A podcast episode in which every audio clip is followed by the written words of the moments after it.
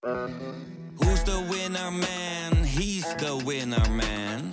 Is hij miljonair? Geen idee, maar nou en. Je hebt geen jackpot nodig to be a winner man. Oh oké, dat is wel lekker man. In de podcast Radio Romano met Noortje Veldhuizen Met Marcel van Roosmalen. En met Roelof de Vries. brengen we alle drie elke week een zogenaamde signalering mee. Wat heb jij nou weer bij je? En aan het eind bepalen we wie de winnaar van de week is. Echt een angstcultuur aan het Lege worden. huls die je er bent? Ja, dat gaat eigenlijk altijd onvriendelijk. Luister nu naar Radio Romano bij Podimo. Via podimo.nl slash Radio Romano luister je 30 dagen gratis. LBJ was en Biden is een echte binnenlandspresident. Ik moet in Amerika nu eerst het land healen. Hè, dat was na de moord op Kennedy en nu met Trump, chaos en corona. Dat is een hele duidelijke overeenkomst. Ook in hun manier van zich opstellen naar het Amerikaanse volk. En ten tweede, ik heb weinig tijd en ik heb een stervensgrote ambitie voor binnenlandse hervormingen. I said when I was running, I wanted to be president not to live in the White House, but to be able to make the decisions about the future of the country. Dit is Betrouwbare Bronnen met Jaap Jansen.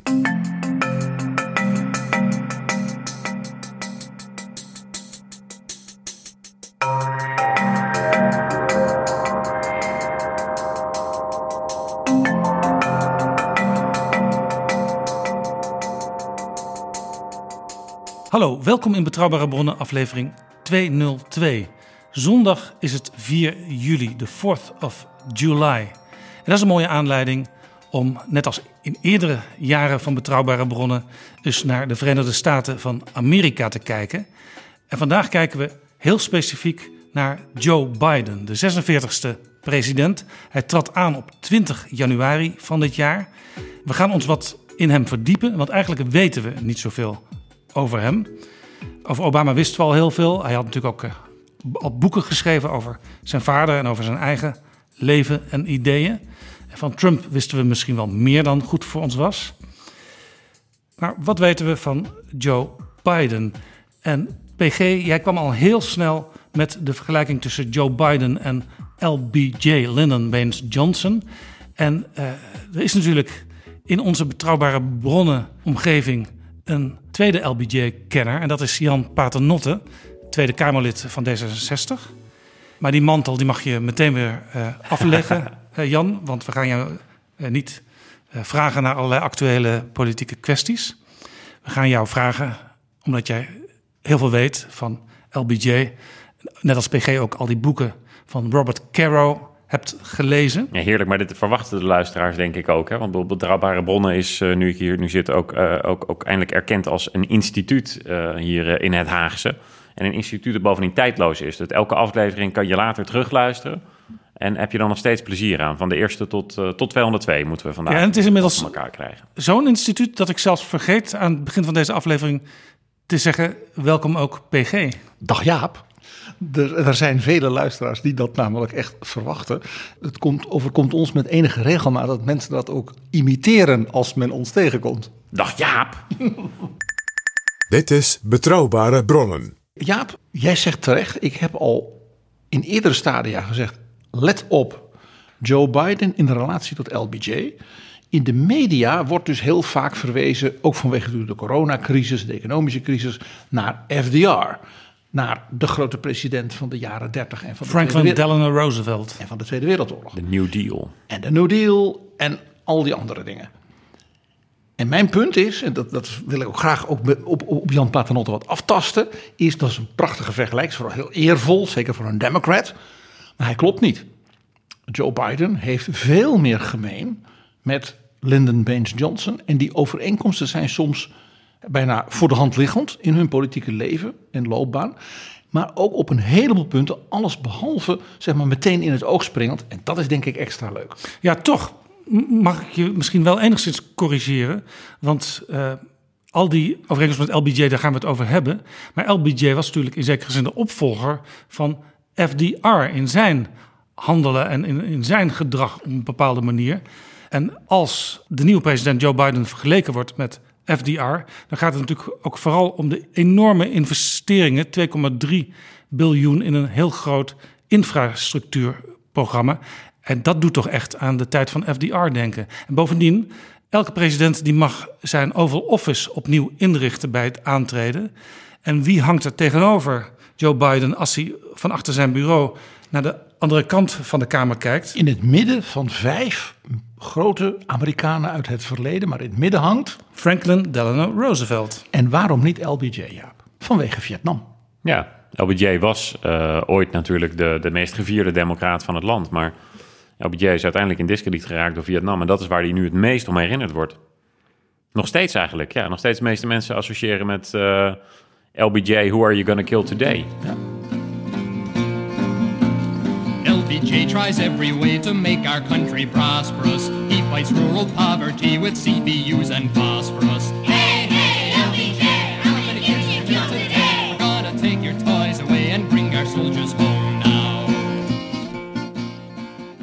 Het grote tragiek. Een molenaar, hè? dat is de toch grote ja, dat tragiek van de persoon LBJ en waaraan, waaraan hij wordt herinnerd, is een van de punten waar ik denk we het ook wel samen over gaan hebben, Jan. Het is ongelooflijk tragisch eigenlijk. Want eigenlijk de, de Republikeinen in Amerika zijn eigenlijk al 50 jaar aan het vechten tegen de erfenis van Lyndon Baines Johnson. Want uh, die heeft in feite meer voor elkaar gekregen dan alle andere democratische presidenten sinds de Tweede Wereldoorlog. En de Republikeinen doen niets anders dan proberen om daar een stukje bij beetje iets van af te breken. De Democraten proberen erop voor te bouwen, maar het is zijn fundament. En het interessante is, wat je dus ziet de laatste nou, vijf jaar, het is echt recent, uh, ook na dat Obama zijn Obamacare, het enige wat nog niet gelukt was, voor elkaar kreeg, dat er een soort renaissance is van de waardering voor LBJ, vanwege dus die permanente pogingen maar te slijpen, te hakken, te snijden in die erfenis. En hoe meer dat af en toe lukt, hoe grotere groepen in Amerika, ook dus kiezers in het midden, die ook best wel eens op George Bush hebben gestemd en zo, zeggen ja. Maar dat is toch wel heel erg dat je het milieu, het onderwijs, de burgerrechten. Nou, hey, eigenlijk 30 jaar lang, 35 jaar lang ging het gewoon niet over de Voting Rights Act. Die enorme baanbrekend was, die eigenlijk voor het eerst de, de, stemrechten van, van zwarten in Amerika heeft verankerd en heeft beschermd. En heeft gezorgd dat er niet meer van die bizarre dingen waren als dat je een examen moest doen voordat je mocht worden ingeschreven. Many of the issues of civil rights are very complex and most difficult. But about this there can and should be no argument. Every American citizen must have an equal right to vote.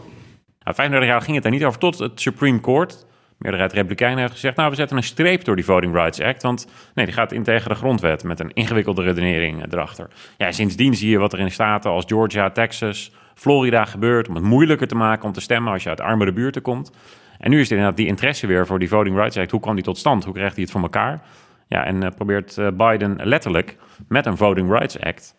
Uh, op die erfenis van LBJ terug te komen. Ja. I also urge Congress to fully restore the Voting Rights Act. Today, on the anniversary of Bloody Sunday, I'm signing an executive order to make it easier for eligible voters to register to vote and improve access to voting. Every eligible voter should be able to vote and have that vote counted. If you have the best ideas, you have nothing to hide. Let the people vote. We all deserve to be treated equally. Een van de elementen van de Voting Rights Act die uh, Biden voorstelt is dat nieuwe kiezers automatisch geregistreerd worden.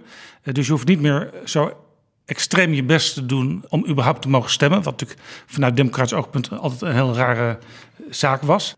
De voting rights waren natuurlijk belangrijk voor LBJ, maar ook de, de, civil rights, niet te vergeten. En die spelen nu met bijvoorbeeld de Black Lives Matter discussie opnieuw. Nou ja, wat je, je ziet dus heel veel van die fundamentele dingen. Want dat is het meest interessante van LBJ, die dus onsterfelijk ambitieus was om als het ware de president te zijn die Roosevelt en Truman eigenlijk zou overtreffen. Hij was een leerling van FDR. Hij vertelde ook naarmate hij ouder werd, steeds mooiere verhalen over hun eindeloos lange gesprek op het Witte Huis. Die als hele jonge jongen, alsof FDR permanent met hem in overleg was. Dat gunnen we hem. Ook heel veel tijd voor. Er was alleen maar een, eh, een depressie in de Tweede Wereldoorlog gaande natuurlijk. Dus, uh, Daarom. Er moesten wat verkiezingen gewonnen worden, maar ach. En Johnson was maar heel kort natuurlijk in die oorlog. Omdat hij eventjes naar de Pacific ging. En uh, na de eerste schoten alweer terug naar huis. Om de met een Purple Heart te nemen. Ja. Nou, in elk geval, dus wat je ziet, de fundamentele dingen van LBJ. Die zijn dus ongelooflijk actueel. Mag ik een voorbeeld noemen uit het uh, beleidspakket van het Kamerlid Paternotte. Het hoger onderwijsbeleid van Betsy de Vos onder president Trump heeft een beetje zoals met die voting rights zodanig geprobeerd de fundamenten te ondermijnen van weer de Higher Education Act en al die enorme hoeveelheid onderwijswetten van LBJ, dat nu Joe Biden ook weer heel zwaar uh, daarop inzet en heel recent een belangrijke grote wet heeft ingediend om bijvoorbeeld deelname aan middelbaar en hoger beroepsonderwijs in, Engel, in Amerika, wat dus uh, community colleges heet, om de, de onderkant daarvan gratis te maken, zodat je minder studieschuld hebt. Een onderwerp dat Jan Paternotte zeker zal aanspreken. Het zou dus best kunnen dat als al die plannen uitgevoerd kunnen worden, en op dit moment zijn de signalen positief, dat Biden, uh, net als FDR en LBJ, heel veel voor elkaar krijgt. En meer dus dan recentere Amerikaanse democratische presidenten zoals Obama, Clinton, Carter. Nou, er is altijd maar in de Amerikaanse politiek een heel klein raampje waarin wat mogelijkheden zijn om iets voor elkaar te krijgen. En je moet door dat raampje je weten te wurmen. En daar, was, uh, daar heeft, heeft, Biden ook wel een beetje het geluk dat hij nu voor deze lange tijd weer een meerderheid van de Democraten in het Huis van Afgevaardigden en de Senaat heeft. Maar echt flinter, flinter, flinter dun. En dat is natuurlijk wel een verschil met LBJ, die dat soort meerderheden ook wist te bouwen, maar dat steeds wist te doen door weer wisselende meerderheden, door Republikeinen en Democraten bij elkaar te vegen. En bijvoorbeeld voor zijn, eh, zijn Civil Rights Act heeft hij heel veel Republikeinen uit het noorden voor kunnen laten stemmen. Had hij ook nodig. Uh, door eigenlijk keer op keer alleen maar te herhalen: I can't imagine that the party of Abraham Lincoln would vote against civil rights. Dit is interessant. Dat is trouwens ook het eerste wat echt opvalt als je die twee naast elkaar zet, LBJ en Biden. Ze kwamen allebei op hun 29ste in het parlement. En je zegt het al, Jan. Toen waren er overlappingen tussen democraten en republikeinen. Er waren ook progressieve republikeinen, er waren ook hele conservatieve democraten. Nu is er echt een tweedeling die bijna niet, uh, die ja, kloof bijna is bijna absoluut, niet over Ook met die Voting Rights Act. 50 democraten stemmen voor, 50 republikeinen stemmen tegen. Gewoon bam, keiharde scheiding. Dus Zelfs de zogenaamd gematigde... De Party of Lincoln, dat, dat doet er niet meer toe. Zelfs de meer gematigd lijkende... of zich soms gematigd wil opstellende republikeinen... Mitt Romney, Mitt Romney mevrouw Collins, mevrouw Murkowski... Uh, als het een puntje bepaaltje komt... Dan, dat zijn de enige drie die je kunt noemen ook. Ja, dat, nou, dat is, toch, iets, is al heel wat. Drie is al en, heel en Johnson kon notabene toen nog met de leider van de Republikeinen... Everett Dirksen, direct zaken doen. F. Nou, Dirksen. F. Dirksen. Terwijl ja, nu weten we dat uh, Mitch McConnell... die en dat was bij Obama natuurlijk al zo. Die heeft eigenlijk maar één doel, namelijk te zorgen dat Biden zo min mogelijk voor elkaar krijgt. Dat ziet hij als de beste manier om te zorgen dat de Republikeinen snel weer aan de macht zijn. De beroemde anekdote over Johnson en F. Dirksen... dat ze dan proberen een deal te sluiten over de begroting... en dat er dan nog een gat hier zit en nog wat, een paar wensen... voor wat extra stuwdammen in Idaho daar. En F. Dirksen zegt tegen Johnson... Well, Lyndon, one billion, two billion... and soon you're talking real money. Joe Biden heeft het grootste deel van zijn leven in de Senaat doorgebracht. Hij kent dus ook de, de psychologie van al die individuele senatoren. En dat moet het voor hem toch iets makkelijker maken dan, dan voor bijvoorbeeld Obama, Clinton, Carter, die allemaal van nou, buiten kwamen. om zaken te doen uiteindelijk. Zeker. En het interessante ook nog aan Obama is, die hield natuurlijk eigenlijk helemaal niet zo van politiek was een, een, een, in zijn hart een enorme wereldverbeteraar, uh, maar ook heel zakelijk. En, en, en een echte professor in het staatsrecht. Ja, hij had een sterk, uh, en hij was, ook, hij was een type politicus. Ja, en hij had zoiets van, ja, we hebben gewoon een heel goed plan met die zorgwet. En, en we hebben gelijk. Dus ja, dan, dan, hij, dan hij, de, hij de inhoud dus moet voor zich Hij was het type politicus, wat je in Den Haag Binnenhof ook vaak ziet, dat dacht, als ik maar de goede argumenten overbreng, dan begrijpen ze het wel en dan zijn ze voor mijn plannen. Precies, en ik ga niet allemaal tijd besteden om te praten met die senator en die afgevaardigde of dat Kamerlid om die te overtuigen. Nee, ze moeten maar gewoon het lezen en dan zien ze dat ik gelijk heb dan moeten ze het doen. Nou, daar is Obama uiteindelijk tegen een enorme muur mee opgelopen. Lyndon Baines Johnson die tegen zijn vicepresident Hubert Humphrey... toen het ging om precies die grote milieuwetten, onderwijswetten, investeringen en de voting rights. Die zei, you're gonna talk to F. Dirksen. You're gonna drink with F. Dirksen. You're gonna have dinner with F. Dirksen. You're gonna sleep with F. Dirksen. En, en om, om typisch ook weer uh, dat, die, die, die, die, die, dat overdadige, ook verbale van, van LBJ. Om, om, om gewoon te, ervan te overtuigen. Hij zegt, je gaat alle dagen met die man op pad. Letterlijk en figuurlijk ook. Je gaat met hem naar zijn kiesdistrict. Dat was zoiets. Het feit dus dat de vicepresident, namens de president, naar het kiesdistrict van F. Dirksen ging. LBJ kende zijn senaat, kende zijn senatoren, kende de zeden, de gewoonten, maar ook de belangen.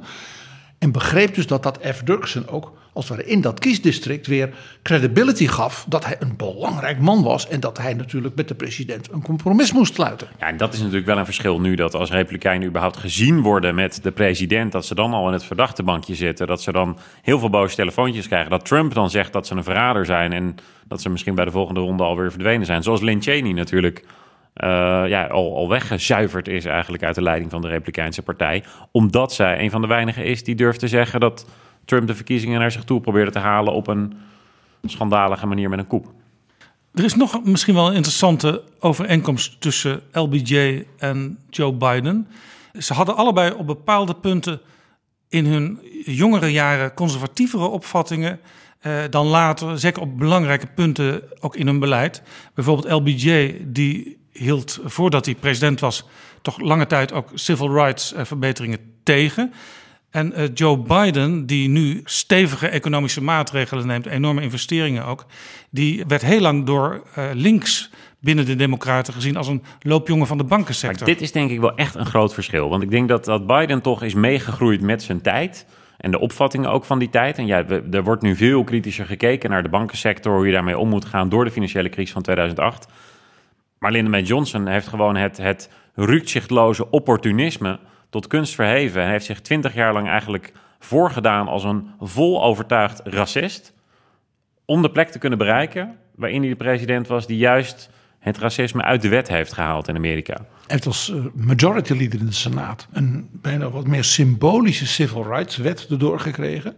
Met steun van de liberal uh, Republicans. En die in het westen met name, die heeft hij omgekocht eh, door te zeggen: Ik ga jullie extra stuwdammen geven in Idaho en in Montana en waarom niet. Maar dan moeten jullie voor mijn eh, civil rights wet stemmen, want die is heel nobel. Maar de feitelijke uitvoering moet gebeuren door uh, rechters in het zuiden. En die gaan die zwarten toch niet geven wat ze willen. Dus dat was, jij zegt dat opportunistisch, dat was cynisch.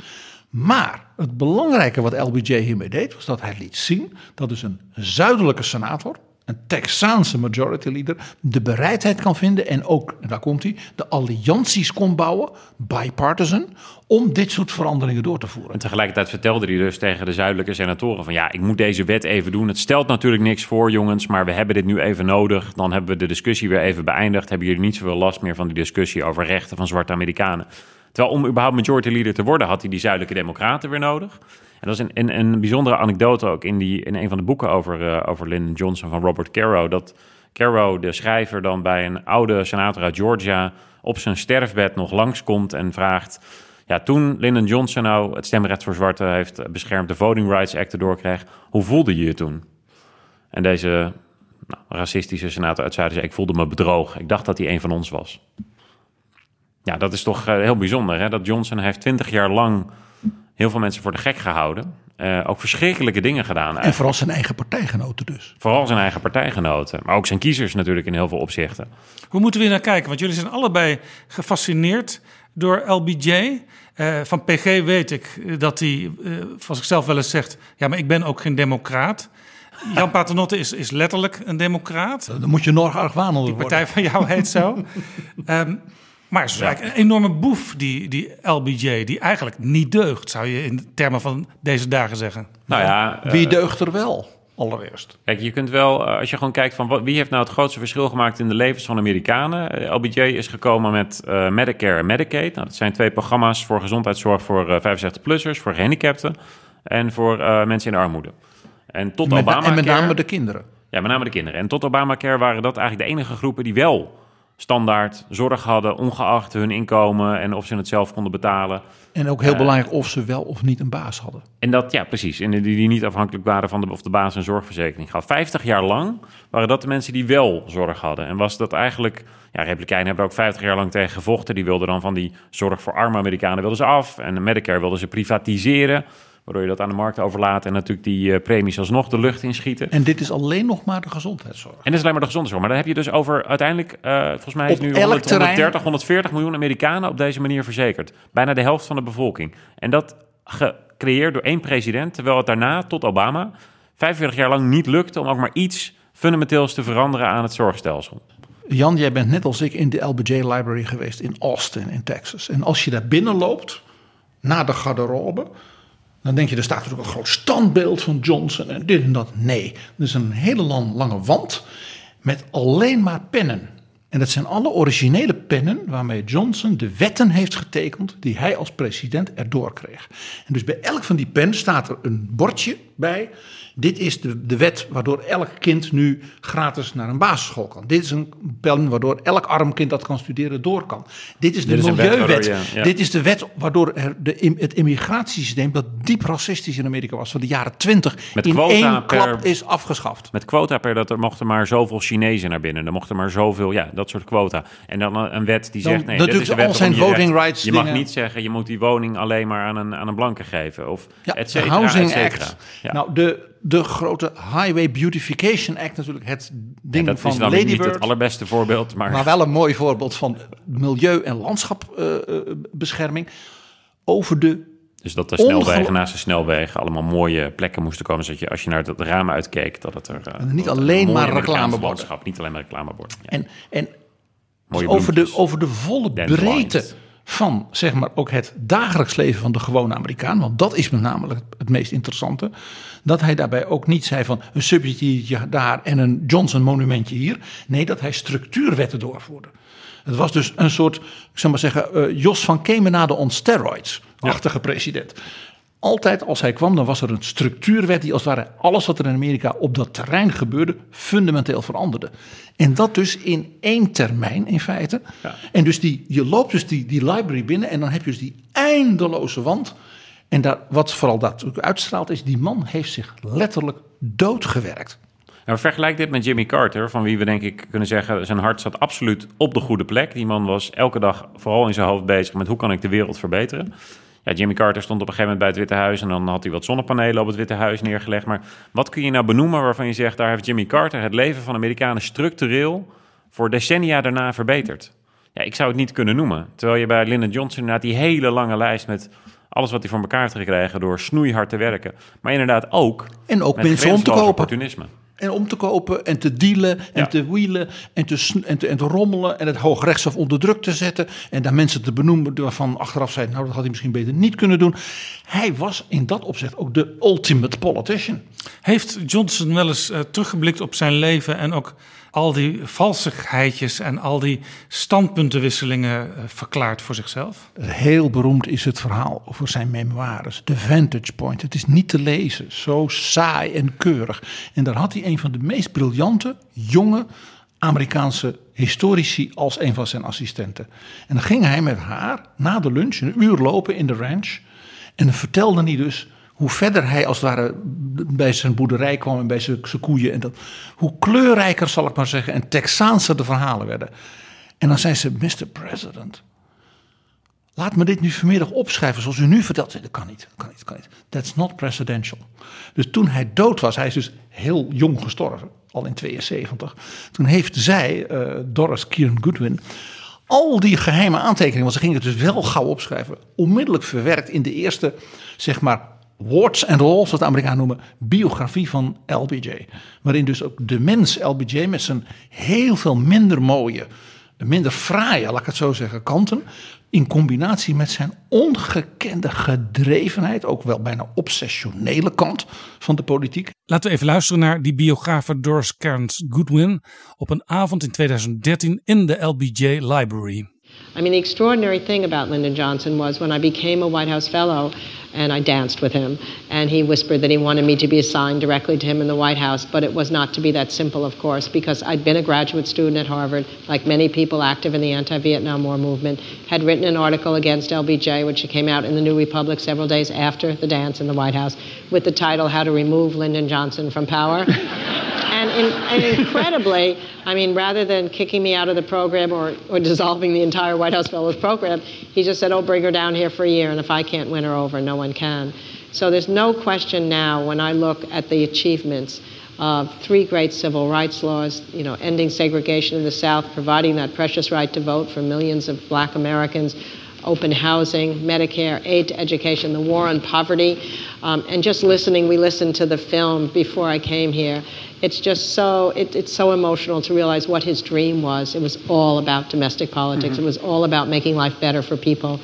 Hij had ook maar één ding. Dat was politiek en macht. Toen hij geen president meer was, is hij nog vier jaar diep ongelukkig geweest en doodgegaan. En die kanten van hem, dus ook dat tragische, wat hij heel erg in zich heeft waarom ik hem dus ook zo fascinerend vind. Dat komt in dat boek voor het eerst naar voren, waarbij ze nog heel veel niet heeft kunnen vertellen. Omdat bijvoorbeeld Lady Bird nog leefde. En ook een heleboel mensen niet wilden praten over wat ze met Johnson allemaal hadden meegemaakt. het bijzondere is ook wel dat Johnson heeft op dit, dit opportunisme van hem en die grote draai die hij heeft gemaakt, heeft hij ook weer uh, heeft het als iets heel vanzelfsprekends gepresenteerd. Hè? Ook, ook naar de mensen om hem heen. kwam die namelijk toen hij president werd nadat Kennedy was overleden uh, met al de plannen van alles wat hij wilde. En zeiden ook heel veel mensen van, moet je dat nou wel doen? Want je maakt zoveel vijanden in één keer. En moeten we niet eerst die verkiezingen van 1964 veilig doorzien te komen... zodat je ook die volle termijn hebt? En zijn reactie was van, uh, ja, als ik hier niet eh, plannen door de Senaat en door de Huis kan duwen... dan what the hell is the presidency for? Ik ben nu president, ik heb de macht... Ik heb het momentum, ik ga het gebruiken ook. En, en waar hij het dan voor gebruikte, dat dat allemaal inging tegen alles waar hij eerder voor leek te staan. Ja, dat uh, vond hij helemaal niet Ja, want deze uitspraak die deed hij ook toen het over de nieuwe Civil Rights Wet ging. Ja. What the hell is the presidency for? In zijn beroemde speech na Selma. We hebben hem een keer betrouwbare bron behandeld. Dan komt dat moment dat hij bijna fluisterend in het congres zegt van I'll let you into a secret. En dan hoor je hem ook weer eens heel Texaans praten. Ik ga jullie een geheimje vertellen. Ik heb nu al die macht als president and I'm gonna use it. En dat klinkt bijna als een maffiabaas die tegen al die politici zegt: en één van jullie die mij in de, een voet dwars gaat zetten, dat zal die weten. Dus hij houdt daar een grootste toespraak, even de grote in de Amerikaanse geschiedenis, en valt dan op een kernmoment in die toespraak in een soort idioom van inderdaad de, de Texaanse machtsdier. Dat is het enige wat je woord wat je kunt gebruiken. George W. Bush had dit ook, hè, toen hij in 2004 de verkiezingen had gewonnen. En nou, toen had hij wel meer stemmen dan zijn tegenkandidaat, tegen Al Gore natuurlijk niet. Toen zei hij de volgende dag bij de persconferentie... I've earned political capital and I intend to spend it. dat was dus heel Texaans ook. Ja. Dat waren dus alle twee Texanen. En ja, hier nou, zie Texanen ik... hebben altijd een ego dat zo groot is als hun hoed. Texas is natuurlijk ook Texas beschouwt het uit de geschiedenis. Texas-sized ego is ook een, begrip in Amerika. Als een eer dat Amerika Texas als staat heeft. En dat zien we bij Joe Biden natuurlijk niet. Joe Biden is veel bescheidener. Delaware, de kleinste, de first state noemen ze het natuurlijk wel, maar de eerste staat, maar wel een van de allerkleinste staten. Er woont bijna niemand. Nee, ja, dat is ook waarom Joe Biden senator kon worden op zijn 29ste, want wie anders moest dat doen? En misschien nog een verschil, Joe Biden is net als LBJ ook soms op het individu gericht. Maar bij LBJ was dat dan vooral om ze te overtuigen dan wel politiek om te kopen. Maar bij uh, Joe Biden is het vaak eh, uit compassie, zo van... Uh, jij hebt iets heel ernstigs meegemaakt, weet dat ik achter je sta. dat, ik denk ook dat Joe Biden houdt van, van, van humans en, en, en Lyndon Johnson hield van humanity. Maar zoals, Biden naar mensen toe kan stappen en een verbinding kan maken... ook op basis natuurlijk van, van al het leed wat hij heeft meegemaakt met zijn zoon... zijn eerste vrouw, zijn eerste dochter die hij verloren heeft... ja, dat had Johnson niet. Die ging ergens naartoe om daar een toespraak te houden en, uh, en mensen te imponeren, maar niet om mensen te knuffelen en heel dicht, dicht tegen zich aan te drukken zoals Biden dat doet. Ja, zoals de grap die ook al in Nederland over de Partij van de Arbeid is gemaakt. Ze zijn de hele dag met de mensheid bezig, maar ze vergeten de mensen. Nou ja, LBJ had er een hele intensieve manier waarop hij van zijn medemens hield. Ja. Maar dat Nu was, gaat PG daarover vertellen. maar dat was niet iets waar eh, Lady Bird zijn vrouw altijd blij mee was. Het kwam wel natuurlijk ook voort uit een oprechte... oh, Biden heeft natuurlijk een, een, een arme achtergrond Scranton eh, opgegroeid. Niet als heel rijk. En ook naar een, een staatsuniversiteit gegaan. De University of Delaware. Wat ook niet de plek is waar rijke Amerikanen heen gaan. Geen Harvard. En, en, en Lyndon Johnson, die op zijn twintigste werd hij eh, een jaar... was hij leraar op eh, de Mexican School in Cotulla. Een van de allerarmste, allerarmste dorpjes in Texas. Waar eh, ja, zo'n klas vol met Mexicaanse kinderen... die zo arm waren dat hij wel eens beschreef... dat ze uit de vuilnisbak nog vruchten pakten... die al leeggezogen waren en daar nog even aan gingen zuigen... zodat ze nog iets van het sap binnen konden krijgen. Zo arm. En daar heeft hij een jaar lang gewerkt. Snoeihard gewerkt. Kocht van zijn eigen geld volleyballen... zodat die kinderen nog iets te doen hadden. En, en ja, toen hij later president werd... en eh, ook, ook een van die wetten eh, tekende... om de positie van dit soort kinderen op dat soort scholen te verbeteren... ging hij daar ook naartoe om terug naar die school om dat bekend te maken. Dus Hij dat, heeft een paar van zijn oud-leerlingen uitgenodigd voor de ceremonie in dat schooltje op de Johnson Ranch in Texas. Namelijk het schooltje waar hij zelf, één lokaal, dat was het. Waar hij dus als kind begonnen was. En zijn juf heeft hij toen, die was in de tachtig uit California of, of bij Seattle. Seattle? Ja. Met het vliegtuig. Dus een arme mens wist van niks. die ze hebben haar dus echt laten opzoeken via de CIA. Van, wa- Die schijnt dus ergens te moeten wonen. Waar is ze? Dan sturen we een vliegtuig. Want ze moet gelukkig landen op de ranch. Ja. ja, het is een fantastische foto. Daar zie je dus Johnson met dus de, hè, de presidential seal achter een tafel zitten. En naast hem zit dus die oudere, keurig gekapte dame. Dat was dus zijn juf van de lagere school. Voor die lagere school. Daar tekent hij die wet. En in het gezelschap staan dus allemaal Mexicaanse kinderen. Dat nu, die nu volwassen waren. En dat waren zijn leerlingen. En eh, Johnson heeft ook in zijn toespraken, ook later, altijd weer verwezen naar de kinderen in Cotulla. Dat hij zei van dat heeft mijn leven bepaald. Eh, ook dus mijn, ja, mijn politieke gevoel van ik wil iets moeten kunnen doen. En typisch Johnson, dat is dus dan die, hè, die minder fraaie kanten van hem. Ik ben bereid daar ook alles voor te doen. Ja, en toen hij eenmaal president was, deed hij dat ook. Maar je kunt je natuurlijk afvragen, als je, als je al vanaf je 29ste afgevaardigd en daarna senator bent voor Texas, dan heb je al dus decennia lang heb je macht gehad om iets voor die kinderen te doen. En waarom heb je dat in die tijd dan niet gedaan? Nou ja, dat is dus omdat Lyndon Johnson dat op dat moment helemaal niet goed uitkwam. Want als hij zich dan heel erg hard was gaan inzetten voor de rechten of de, de onderwijskwaliteit voor Mexican Americans, had dat zijn politieke carrière op dat moment niet geholpen. Hij was een idealist op het moment dat het ook in zijn carrièrepad paste. Kun je dan zeggen dat de, de latere LBJ, dat dat de ware LBJ was, politiek gesproken? Nou ja, dat is, dat is het, een mooie beeld. Hè? Power uh, corrupts and absolute power corrupts absolutely. Hè? Dat is een van de bekende wijsheden. Maar Lord Acton. over Lord Acton, inderdaad, ja, natuurlijk. En uh, oftewel, macht corrumpeert. Maar over Lyndon Johnson kun je zeggen, macht power reveals. Macht laat zien wie je echt bent. Als je niet rekening hoeft te houden met allemaal andere belangen of je eigen inkomen. Of, en, en dan gewoon kunt doen wat je wil, ja, dan krijg je de persoon die je bent. Er ontstond dus een ander beeld van Johnson toen hij eenmaal echt president was. Er is nu ook een ander beeld van Biden dan een jaar of wat geleden nog in de campagne. Want toen dachten heel veel Amerikanen, en ook wij in Europa, van uh, ja, is ongetwijfeld een kundig man die Biden. Maar ja, ook oud en een beetje saai. En dat is misschien ja, een soort tussenpauze ja, politiek zouden gesproken. mensen denken. Hè? Heel veel mensen hadden natuurlijk het idee van... ja, Biden die zit zo in het establishment van hem... hoeven we eigenlijk niet heel veel meer te verwachten... dan dat hij eigenlijk vier jaar een beetje op de winkel wil passen. Dus een beetje het gevoel wat mensen bij George H.W. Bush na Reagan hadden. Uh, niet al te veel uh, overdreven bevlogenheid.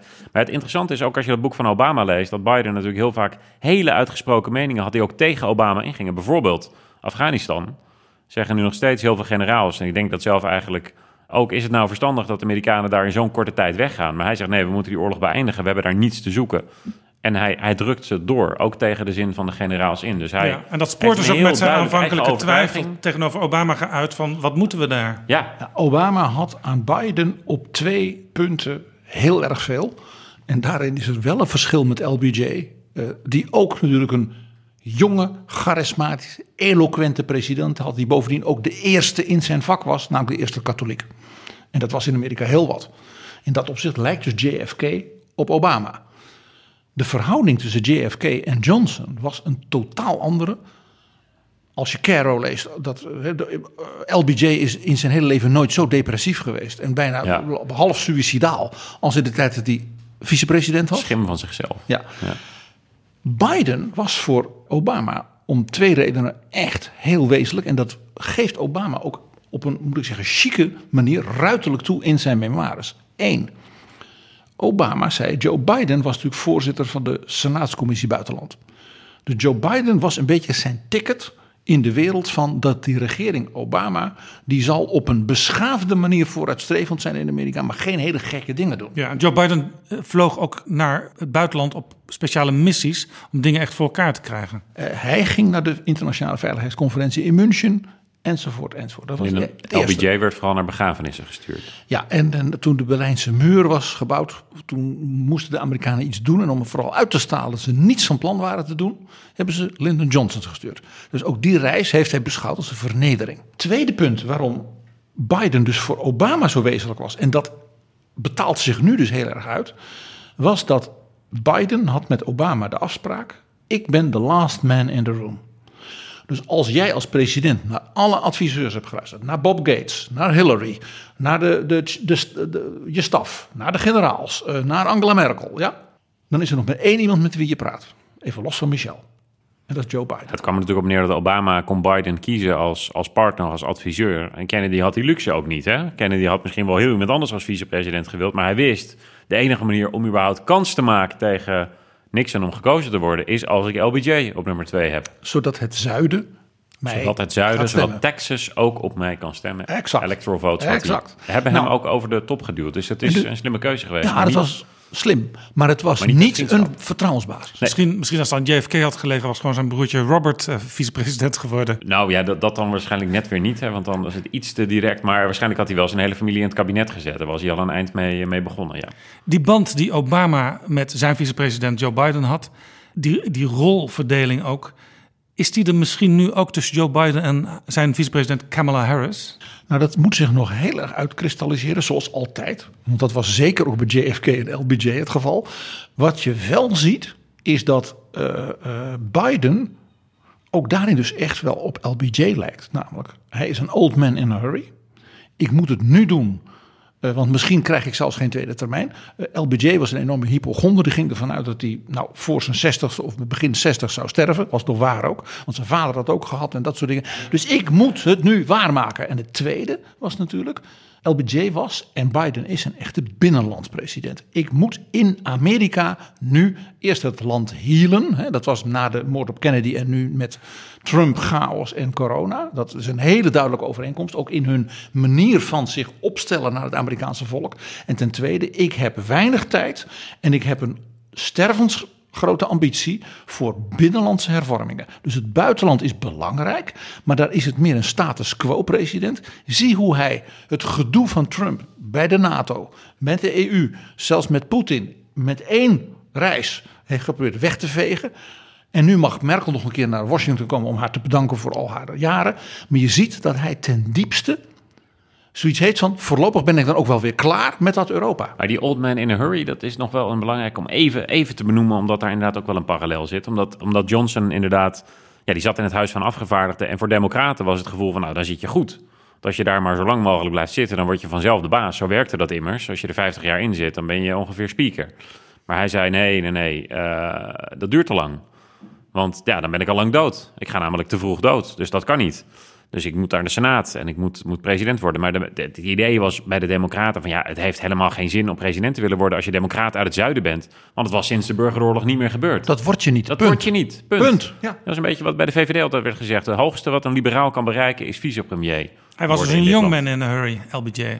Ja, was een young man in a hurry, inderdaad. Want hij dacht, en, ja, dat is, uh, en daardoor heeft hij zich natuurlijk heel snel, uh, al in 1941 wilde hij al, uh, of in 1940 wilde hij al de, de Senaat in.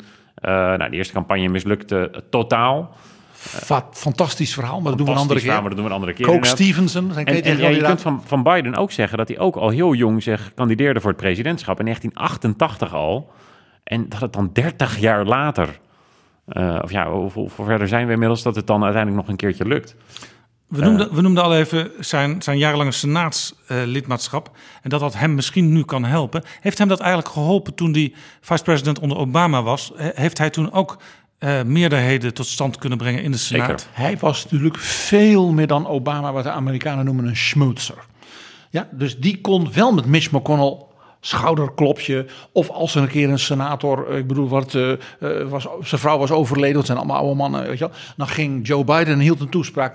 Obama ging niet een toespraak houden bij de begrafenis van uh, de vrouw van een senator en een andere partij. Obama was waarschijnlijk ook niet erg goed in foute grappen. En Biden denk ik wel. ja, daar, daar zeg je iets. En Biden had natuurlijk nog iets. Biden had dus niet die, mag ik zeggen, professorale arrogantie. Biden kon de good old boy, de jongen van het volk. Uh, hij had wel zijn tanden wel duur laten repareren, maar verder was het toch wel een, een jongen van het volk. Dat kon hij ook echt zijn. En Obama was natuurlijk in zoveel opzichten heel anders dan de andere Amerikanen. Van Hawaii, zwart, intellectueel briljant, getrouwd met een zwarte vrouw die intellectueel waarschijnlijk nog briljanter is dan hij zelf. De gewone Amerikaan ziet in Obama niet zichzelf. Dat is gewoon zo. En Joe Biden kan op een hele authentieke manier dat hij gewoon zegt, folks. En als Joe Biden tegen de Amerikanen zegt, folks, ja, we gaan toch niet onze kinderen maar voortdurend laten doodschieten. Dan zeggen de mensen, ja, wij horen hier een, een bezorgde opa. Ja, die bovendien uh, uh, ook verdriet in zijn, in zijn leven heeft gehad met zijn gezin en met zijn kinderen. Dat gelooft men van hem. En als Obama een, een prachtige toespraak hield, ja, dan waren wij hier, zeker in Europa, dan hingen wij aan zijn lippen. Maar de Amerikanen hadden ook zoiets, dat is wel een beetje een soort electorale topprestatie. Maar ver weg van ons. Every day in this country, 316 people are shot every single day. 106 of them die every day. Our flag was still flying at half staff for the victims of the horrific murder of eight primarily Asian American people in Georgia when 10 more lives were taken in a mass murder in Colorado. You probably didn't hear it, but between those two incidents, less than one week apart, there were more than 850 additional shootings. 850 that took the lives of more than 250 people. Hoe belangrijk is het dat Biden zich nu uh, met die nieuwe wapenwet bemoeit? Nou, wat zo belangrijk hier is, is dat je ziet dat hij een totaal andere strategie voert dan zowel uh, Bill Clinton als uh, Obama. Die zeiden beide in hun eerste termijn: ik moet als het ware nu mijn herverkiezing regelen. Dus ik ga één onderwerp pakken waarvan ik denk dat ik dat ga winnen. En dan ben ik de president die dat gedaan heeft en dan ben ik toch een opvolger van FDR. LBJ. In beide gevallen een zorgwet was dan hun idee. Een zorgwet. LBJ deed precies het omgekeerde. En Joe Biden is daarom ook veel meer LBJ. Die heeft dus, zodra die president was, dat arme congres. en vooral ook zijn eigen staf en die ministeries. en de, de media, de journalisten werden gek van overspoeld met grote, ik zei het eerder al, structuurwetten. En het maakte niet uit hoe controversieel het was. Dus zo'n zo'n zo'n wet op het inperken van het wapenbezit en dergelijke. Dat doe je niet als president. Dat is zelfmoord. Als je ook nog een infrastructuurwet doet, doet met Mayor Piet. Je doet ook nog een verbetering van de zorgwet. Je doet ook nog, nou, vul maar in. Ook dit is dus een teken van een president die geen dag te verliezen heeft. Nee, dat beeld exact. dat je hebt is natuurlijk dat ook, ook, uh, ook Biden, als hij straks zijn, eh, zijn presidential library heeft, dat je daar binnen loopt en dat je dan die hele galerij ziet met al die pennen waarmee die wetten heeft getekend en kan zeggen. En, en met deze wet hebben wij het stemrecht weer terug. En met deze wet hebben wij de wapens weggenomen. Waardoor... En zelfs al was ik maar een one-term president, want ik was een oudere man. Zoals president Johnson, die ik eer, met al zijn fouten. Want ik zal ook wel fouten gemaakt hebben, zal hij dan zeggen. Maar kijk eens, ik hoor eigenlijk in dat rijtje. Dit is Betrouwbare Bronnen, een podcast met betrouwbare bronnen. PG, Biden heeft nu heel veel in gang gezet. Maar gaat hij het halen? Ja, gaat hij dit redden? Gaat hij ook net zoveel voor elkaar krijgen? Ja, dat is kan dus de dat grote in deze gok. tijd. Dat is de grote gok. Ja, want ik, je zou dan denken, Biden die kan zo goed met die andere senatoren. Je hebt uh, Joe Manchin in, in West Virginia en, en Kirsten Sinema, de democraat uit, uit Arizona. Dat zijn de twee die eigenlijk nu ja, blokkeren dat, er een, een, dat, dat de filibuster wordt afgeschaft. Of dat de filibuster in ieder geval zo werkt dat je net als, als vroeger... dat je dan net zo lang moet doorpraten tot je niet meer op je benen kan staan... als je een wet wil blokkeren. En nu is het gewoon zo, je hebt 60 stemmen nodig Anders red je het niet. In één keer per jaar kan je iets in de begroting fietsen... en dan kan je het met 50 stemmen plus één. Ja, dat is dus even het interessante voor veel luisteraars misschien niet bekend.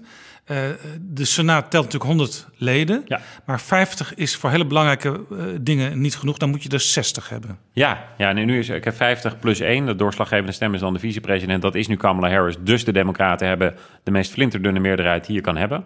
Dus ja, in Nederland zou je ook met zo'n flinterdunne meerderheid... kan je in principe alles doen. In Amerika heb je dan in de Senaat 60 stemmen nodig. Is 10 republikeinen elke keer. Nou, ondenkbaar dat je 10 republikeinen achter een democratische droom En, en dat maakt het voor Mitch McConnell, dus de Republikeinse leider in de Senaat, die natuurlijk een buitengewoon ervaren, slimme, want hij heeft natuurlijk een beetje een slechte naam bij ons, maar ik zeg altijd: kijk even hoe effectief die man is. Ja. Hij krijgt het voor elkaar. En waarom? Als hij 40 mensen heeft, meer hoeft hij niet te doen. Hij kan al dreigen met, als hij er 37 heeft. Die al zeggen, nee, dat gaan we niet doen. Dan kan hij al tegen de president zeggen, Mr. President, u kunt natuurlijk nog een toespraak houden en u kunt het land ingaan. U doet uw best, maar u weet, ik heb 37 en ik heb toevallig gisteren met die gedineerd, dus het zijn er nu al 38, weet je wel. Dus hij kan al een enorm ja, pressure potential op zo'n president zetten. En vandaar dus dat die Biden zegt, zolang ik nu die positie heb, en ook misschien wel een beetje dankzij corona, zoals LBJ dankzij de moord op Kennedy, even heel cynisch, hè, heb ik ook een soort, soort, soort emotioneel mandaat. Nu moet ik het doen. You guys know me too well. I'm, I'm going to drive you crazy the next four years because I'm going to tell you the truth as I see it. I know the Senate and the House better than most of you know it. I've bet my whole life that's what I've done. Doesn't mean I'm going to turn out to be right all the time, but I'm not going to negotiate with the press while I'm negotiating with the with, and privately with my colleagues. And these are really tough decisions, Senator. I, I don't in any way dismiss what Senator Murphy says about the environment. Don't dismiss it at all. Just remind him, I wrote the bill on the environment. Why would I not be for it? Question is, how much can we get done? And the bottom line is, when all is said and done, does what you agree to preclude forever you getting the things you really want? Well, I'm not for that. I'm not going to vote for one of those deals. Secondly, do you get all of what you wanted and you come back and fight another day? I've been president about 150 days. I think we've done fairly well so far. Not because of me, but because the way the system works. Maar die vraag die Jan Paternotte stelt van, gaat hij het ook allemaal klaarmaken? Die vind ik wel fascinerend. Laten we even kijken ook naar zijn economische beleid. Er wordt nu enorm geïnvesteerd in infrastructuur. Eigenlijk alles uh, waar scheurtjes in zaten. Uh, en wat extra duidelijk is geworden ook in de Dat is ook heel hard nodig, want Amerika staat echt op instorten eigenlijk. Ja, dat wisten en, we En, en, Jaap, al. en Jaap, we moeten ook één ding noemen bij Joe. Scheurtjes, bruggen, dit het, en natuurlijk spoorlijnen. Amtrak. Ja, ja. Want als iemand inderdaad 40 jaar lang alleen maar met de trein van huis naar, uh, naar de Senaat is gegaan, dan is het Joe Biden, hè? de Amtrak's favorite passenger. En onder uh, economische analisten is nu de vraag: leiden al die investeringen van deze nieuwe president tot nieuwe roaring twenties? Of komt er zoveel inflatie, dus geldontwaarding, dat het allemaal weer misloopt? En nou heb ik uh, een analyse gelezen van Goldman Sachs en die zijn eigenlijk best wel positief. Want die zeggen, ja, de helft van die investeringen... die verdien je eigenlijk weer terug door uh, hogere inkomsten die overal uh, komen. Wat overigens wel blijkt nu net na corona... is dat er heel veel tekorten zijn. Mensen willen bijvoorbeeld tweedehands auto kopen. Mensen willen nieuwe meubels kopen, allerlei andere dingen kopen. Maar die zijn gewoon vaak niet meer te krijgen. Dus dat, dat is iets waar we misschien in Europa ook nog wel last van gaan krijgen. Als de economie een boom krijgt, is alles wat we willen wel mogelijk. Ja. Um, wat ik heel interessant vond, ik vond een, een artikel op de site uh, Mediapart. Dat is een Franse uh, linkse nieuwssite. Dat lees jij toch allemaal? En die schrijft- bedenkelijk spul, ja. Nog een intellectuele man. En die, ja. en die, en die, die, die prijs eigenlijk Joe Ja, waar wij Biden. dan allemaal Amerikaanse Die prijs Joe Biden voor zijn beleid. Dan zit Jaap gewoon in Frankrijk. Ja, en ik Der Spiegel Ze, sommen even op. De nieuwe regering wil 213 miljard investeren in sociale huisvesting, 100 miljard in elektrische infrastructuur, openbare scholen, 115 miljard dollar in bruggen en wegen, 80 miljard dollar in spoorwegen, 66 miljard in watervoorziening, 400 miljard in persoonsgebonden diensten. En die, eh, die linkse Franse website die zegt, ja, eigenlijk wordt alles wat sinds Ronald Reagan het adagium was, wordt op zijn kop gezet. En ze vergelijken ook het beleid van uh, Joe Biden met dat van de regering Macron. En ze zeggen, ja, Macron is eigenlijk nog steeds heel neoliberaal bezig in zijn beleid, waar Joe Biden daar afscheid van neemt. Dat vind ik wel een interessante Franse observatie. Maar ik zeg er nog iets bij. Al die enorme investeringen, en die Fransen die tellen dat ook op in dollars. Ja, je weet, ik ben een historicus, Jaap. Ik kijk naar het grote geheel. Het is 5% van het Amerikaanse BBP voor de komende 10, 15 jaar. Dus het valt wel mee. For me, investment in our physical and human infrastructure are inextricably intertwined. Both make us better off and stronger. The case for these investments is clear. Economists, left, right, and center, independent Wall Street forecasters, they all say that these kinds of public investments mean more jobs, more workers participating in the labor force, higher productivity, and higher growth for our economy over the long run. Both need to get done.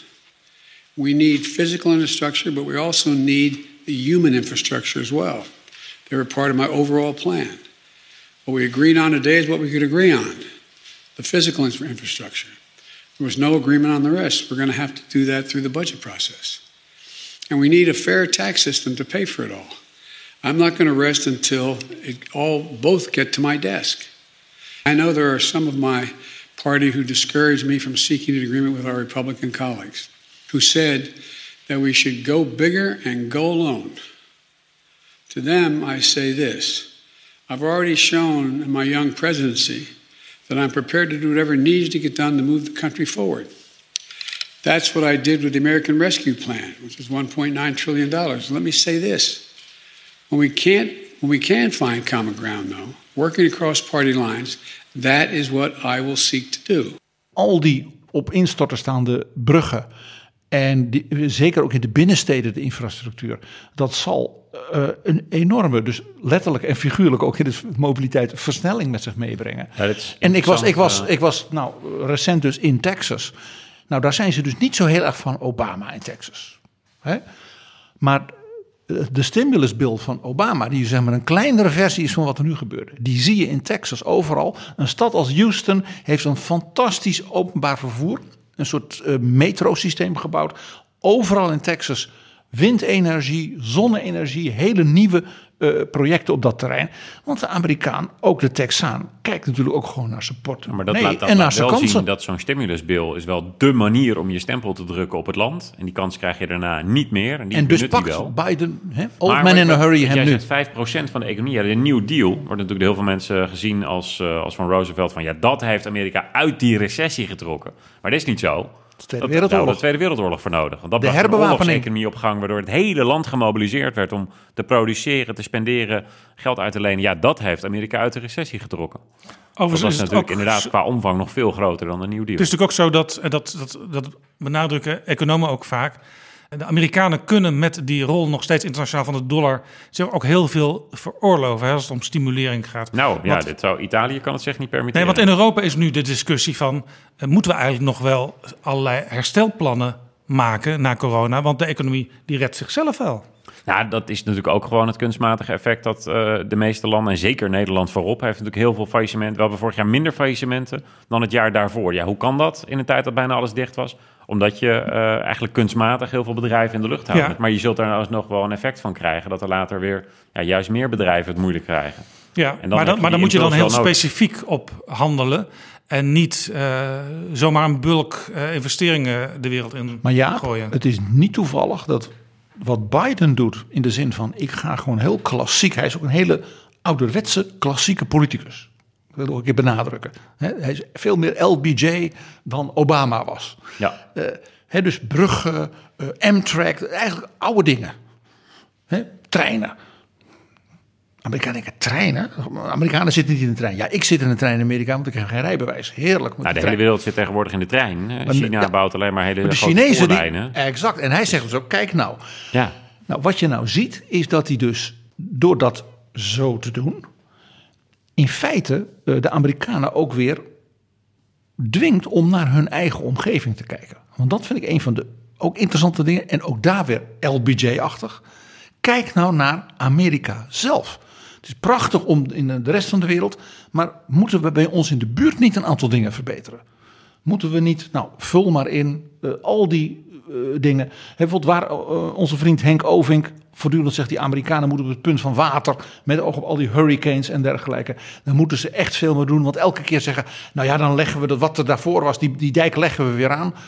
Dat gaat niet werken. En deze manier van denken, dus structureel naar je eigen situatie kijken en dus de beste ideeën en nieuwe ideeën daarbij bij elkaar brengen, ja, dat kan iets zijn waarmee Biden als het ware uh, na over twintig jaar uh, op een manier als zowel FDR als LBJ dus de herinneringen kan gaan. Ja, en tegelijkertijd... een andere uh, de, verschil tussen, tussen Biden en LBJ, dat werd benoemd van ja, Biden inderdaad met infrastructuur pakt nu gigantisch uit, terwijl LBJ eigenlijk veel meer op de sociale zekerheidskant, uh, burgerrechten, dat soort zaken zat.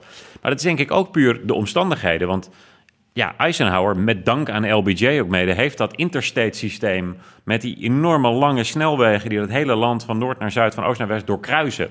Dat heeft hij gebouwd. Dus dat was er toen. Ja, maar vergeet dus niet... Infrastructure was nou net, in de jaren 60 was dat nou net even niet het probleem. Maar wel, alleen nu niet populair om te zeggen, het bouwen van volkshuisvesting. Precies, Amerika is volgebouwd met Bijlmermeers, dankzij LBJ. Ja, was, wat dat betreft was hij ook nog eens die Jan Schaefer van, uh, van de Amerikaanse politiek. Die inderdaad allemaal hele goedkope woningen die ja, 10, 20, 30 jaar later eigenlijk al niet echt meer heel erg goed bewoonbaar waren. Ik bedoel, laten we ook wel even eerlijk zijn dat de Schaefer-woningen niet allemaal in even goede staat meer zijn. Maar het was dus eenzelfde, vandaar dat ik zeg dat Biden in de goede zin van het woord een ouderwetse politicus is. Hij haalt als het ware dat type denken grote structuurwetten, uh, enorm tempo, uh, investeren, bouwen, bouwen, bouwen. Uh, dat haalt hij uit de kast alsof hij inderdaad een jong politicus was in de tijd van LBJ. En dat was hij ook. Ja. Het, het viel straks al eventjes. Ehm, na JFK is Biden de tweede president die Rooms-Katholiek is. toen JFK kandidaat was, toen werd er geschreven in sommige Amerikaanse kranten... haalt die man straks zijn instructies in Rome bij de paus. Maar bij deze president Biden. gebeurt het omgekeerde. Ja, de Amerikaanse bisschoppen zijn niet blij met de katholiek Biden. Sommige bisschoppen. Sommige bisschoppen. Hoe zit dat? Uh, Jaap, daar heb ik geen verstand van, ik ben een protestant. ja, de Amerikaanse katholieke kerk is heel conservatief eigenlijk, hè? Waar de, de katholieke kerk in de tijd van Kennedy eigenlijk uh, was dat nog een redelijk progressief eh, deel van de samenleving. De, de Irish Catholics in Boston, allemaal democraten. Maar uh, dat, nu is dat een conservatieve kracht. Ja, Biden, die met zijn aandacht voor LHBTI-rechten, Black Lives Matter, de emancipatiepresident. Ook in de benoemingen die hij doet natuurlijk. Dat ook nu de rechters, op een gegeven moment werd geconstateerd dat hij nog geen enkele witte man had benoemd tot rechter. Nou, die inhaalslag is dan ook wel een beetje even nodig naar Donald Trump, die buitengewoon goed was in het benoemen van witte mannen. Op leeftijd? op leeftijd dat de katholieke, dat een aantal bisschoppen inderdaad daarvan zeggen, ja, daarmee vertegenwoordigt hij helemaal niet de katholieke conservatieve waarden meer. Ja, dat is wel interessant natuurlijk altijd met democraten en hun religie. Dat er altijd beleidend religieuze mensen natuurlijk geweest, maar aan de andere kant ook de ja, de, de, de drivers van, uh, van progressieve hervormingen. Zoals Obama natuurlijk met uh, het uh, openstellen van het huwelijk. Ja, dat er daarmee ook wel kritiek uit de religieuze hoek kan komen. Omdat vaak is religie toch een conservatieve kracht. Wat je hier ziet is overigens weer een echte overeenkomst van LBJ en Biden. Dat is ik ben de president, I've got this power, I'm gonna use it. Dus de benoemingen waarmee je zegt, ik wil als president hier geschiedenis schrijven. En jullie volgen maar. En dat ook heel bewust. En ik mag dat doen, want ik ben de president, dan doe ik het ook. Eh, LBJ, die Thurgood Marshall, de eerste zwarte uh, in het Hoge Rechtshof benoemde. En dat was niet zomaar een zwarte, dat was de advocaat van de burgerrechtsbeweging, die dus de desegregatie van de scholen in de jaren 50 had verdedigd als advocaat voor het Hooggerechtshof en toen had gewonnen. Dus die man stond al in alle geschiedenisboekjes als daar van Amerika en die maakte hij dus dan, een jaar of twaalf later zelf lid van het Hooggerechtshof. Een schok ging door Amerika.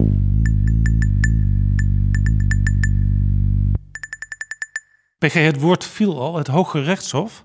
Wij kijken vanuit Europa altijd wat, ja, misschien wat meewarig naar hoe elke president dat Hoge Rechtshof weer als hij de kans krijgt, volplemt met uh, like-minded uh, people.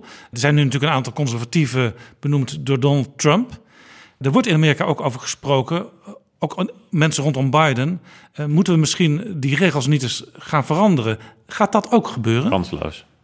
Gaat niet gebeuren, zijn we het helemaal over eens. Nee, het is totaal kansloos. Maar dat is, dit zijn van die grote hervormingen. En Biden wilde het zelf volgens mij niet eens. Want dat, als je het eenmaal. Biden is een klassieke politicus. Dit is het soort dingen waarvan hij weet dat FDR, die als een soort koning door Amerika ging. Na zijn herverkiezingen 36, hij ging op zijn bek. Dus de enige keer dat FDR politiek als president op zijn bek ging, is zijn hervorming van het Hoge Rechtshof. Biden doet veel liever al die andere grote structuurwetten à la LBJ dan dit soort dingen à la FDR. Maar Biden zal er wel continu tegenaan lopen dat, uh, dat, dat die, die rechters, uh, zes van de negen, inderdaad conservatieven zijn. En dat hij daar ook weinig aan kan veranderen. En daar moet je dus mee leven. Wat hij nog kan hopen is dat de oudere democraat in het Hoge Rechtshof... dat hij dan nu uh, tijdens zijn termijn wel zegt... oké, ik stop ermee, zodat hij nog een nieuwe rechter kan benoemen. Helemaal in het begin van dit gesprek viel het begrip Vietnam. Johnson is daar uiteindelijk politiek in vastgelopen... en daarom hangt hij waarschijnlijk ook niet nu in het office aan de muur. Ja. Is er iets wat tot Bidens Vietnam kan leiden? Ja, dat is wel een groot verschil natuurlijk. Hè? Dat, uh, Biden is zich druk aan het terugtrekken uit de wereld. Ja, maar Vietnam kan natuurlijk ook nationaal ergens schuilen. Ja, nou ja. Iets wat, oh, ja. Iets wat politiek zo zwaar en onoplosbaar wordt... dat het gewoon als een, als een slagschaduw over jouw presidentschap Een situatie die ook fundamenteel verkeerd inschat... waardoor die heel veel mensen zich tegen hem keren... juist in zijn eigen achterban. Ja, dat zien we nu nog niet ontstaan. Maar ik wijs bijvoorbeeld op een punt... en dat is misschien een opvallende overeenkomst... tussen Biden en LBJ, en dat is China. President Johnson was president, had daar in Azië die oorlog. En het idee was, als wij die mensen niet helpen, dan komen die Chinezen, die communisten, die komen ze helpen. En terwijl Johnson probeerde daar verandering in te krijgen, daar niet heel erg succesvol in was, om maar zo te zeggen, brak natuurlijk in China de culturele revolutie van Mao uit. Dat was in feite een soort staatsgreep van Mao tegen zijn eigen partijtop. Hij werd dus weer de grote roerganger toen, helemaal. China zakte in een nou ja, chaos als uh, alleen daarvoor onder de grote sprong voorwaarts van dezelfde Mao. Ook toen tientallen miljoenen doden. En president Johnson had zoiets van: wat gebeurt daar in China? Ze hadden daar toen geen ambassadeur. Ze hadden niet zeg maar, journalisten die rondliepen en met mensen in China praten. Het was een totale burgeroorlog. En hij had wat Vietnam. Dus de obsessie met wat daar in Azië gebeurt, werd zijn ondergang.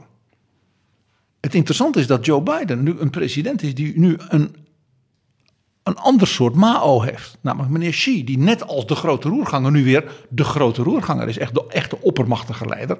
Met dit verschil dat China nu om andere reden een bron van grote spanningen kan zijn.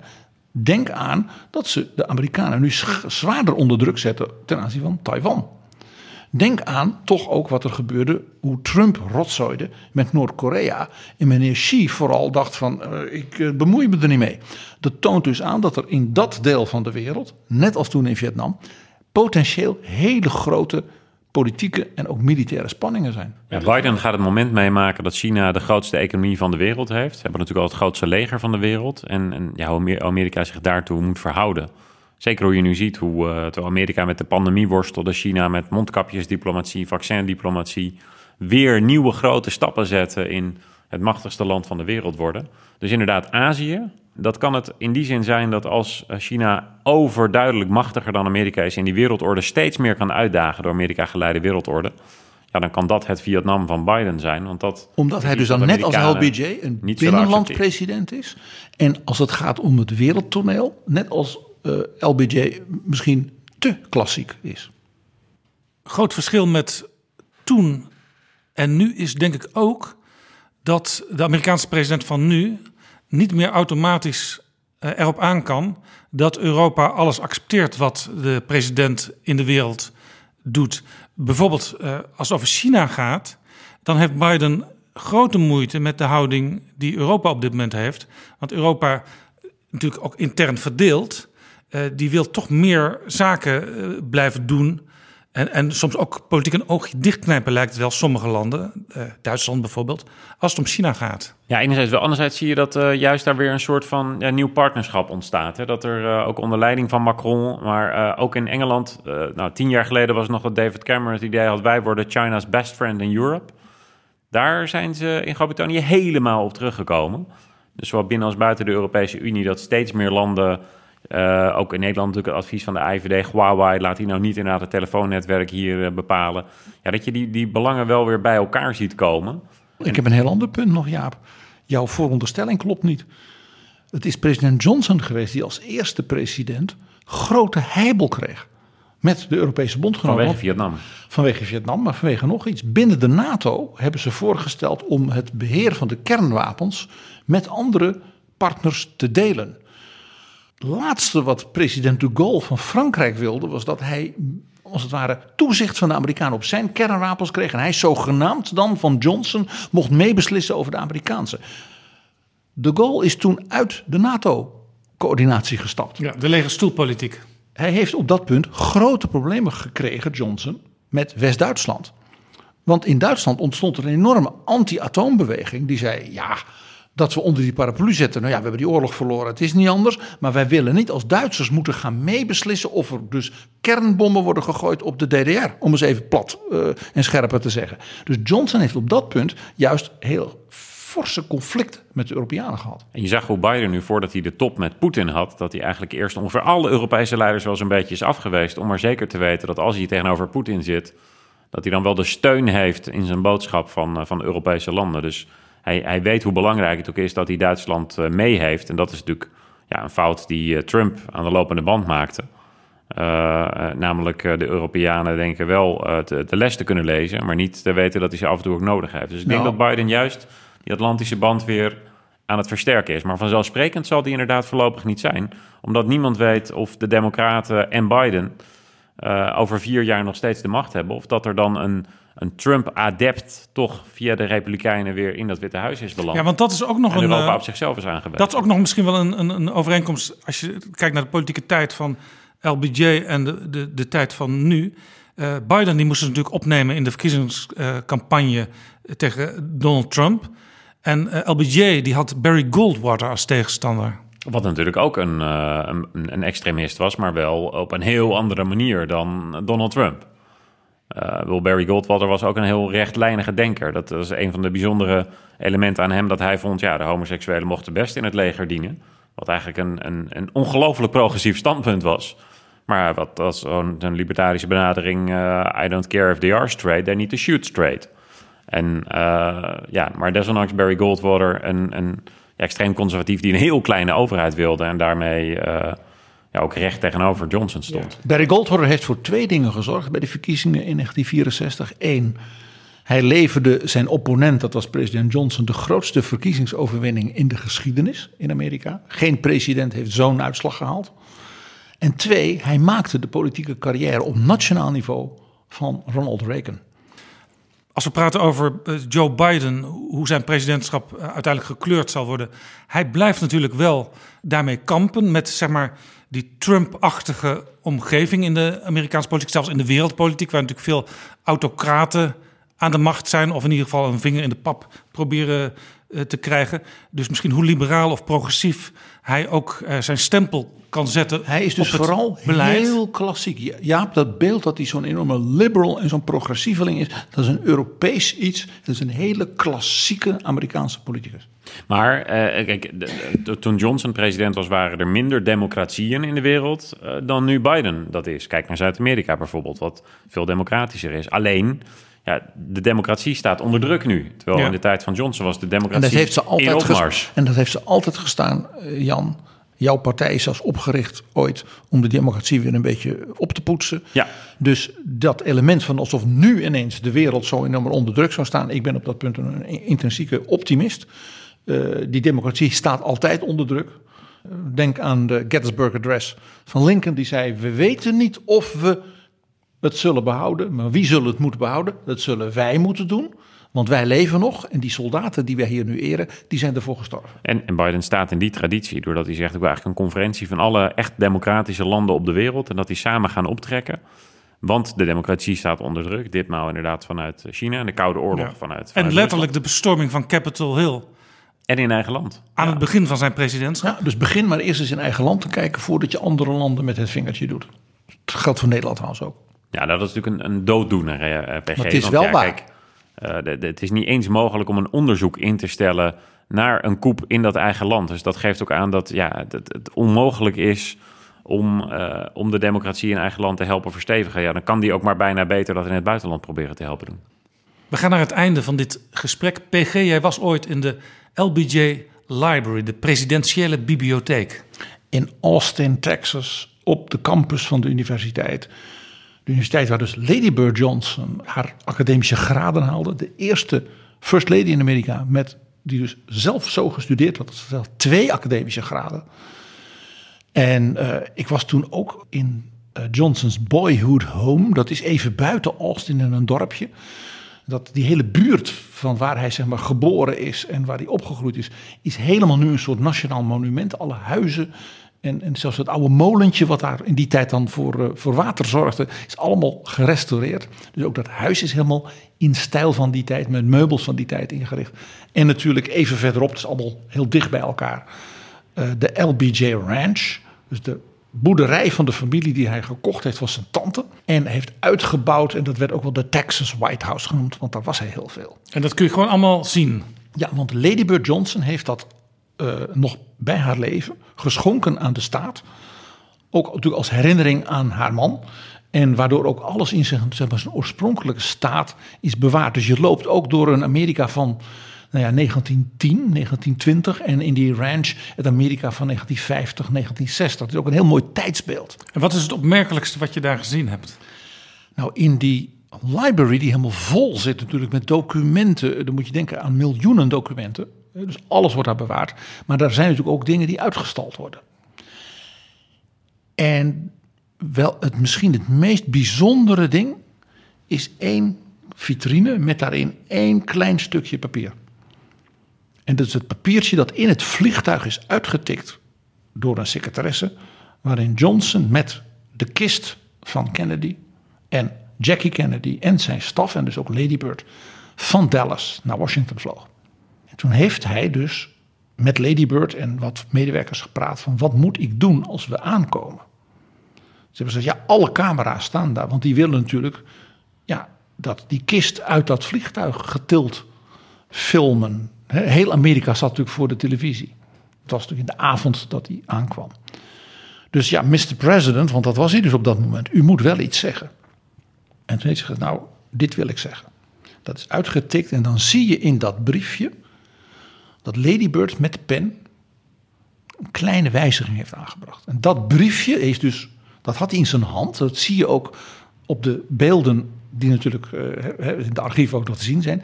Dan zie je dat hij dat in zijn hand heeft. En dan dus heel kort spreekt. Maar dan zie je dus hoe dat echtpaar in dat vliegtuig nog samen.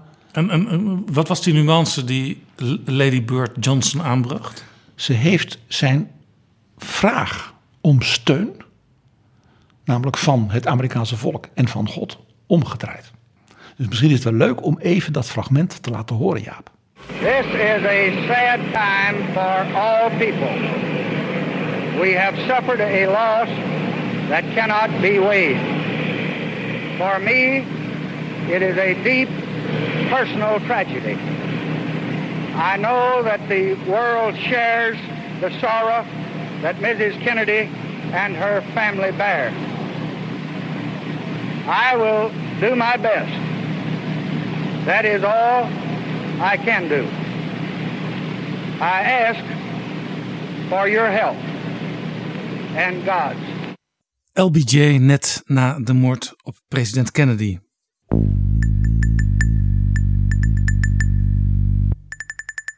We gaan afsluiten. Jan Paternotte, hartelijk dank voor jouw komst naar Betrouwbare Bronnen 202. Ongelooflijk eervol dat ik in uh, Betrouwbare Bronnen 202 mocht zijn. En omdat er zoveel gebeurt in de wereldpolitiek en vooral ook natuurlijk rondom die nieuwe Amerikaanse president, denk ik dat we over enige tijd nog wel een keer opnieuw bij elkaar zullen komen om over Joe Biden en over natuurlijk de Verenigde Staten in het algemeen te praten.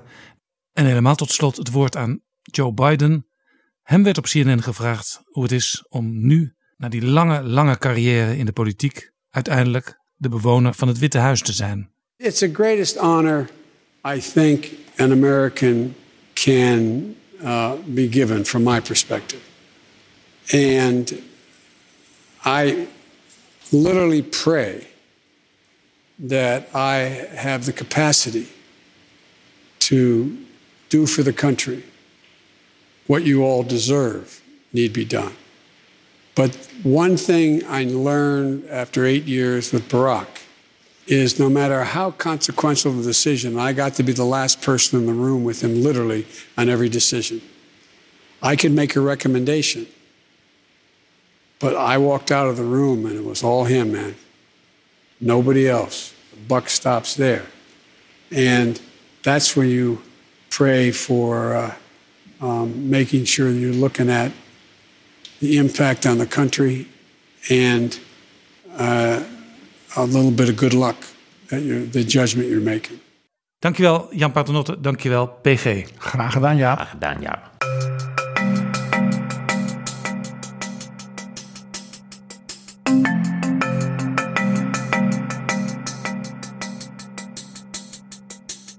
Zo, dit was Betrouwbare Bronnen aflevering 202. Deze aflevering is mede mogelijk gemaakt door vrienden van de show. Mensen die een bedrag, klein of groot, hebben gedoneerd via de site Vriend van de Show. Jij kunt ook vriend worden. Ga daarvoor naar vriendvandeshow.nl slash bb. Dinsdag zijn we er niet. Volgende week vrijdag weer wel. Tot dan. Betrouwbare bronnen wordt gemaakt door Jaap Jansen in samenwerking met dag en nacht.nl.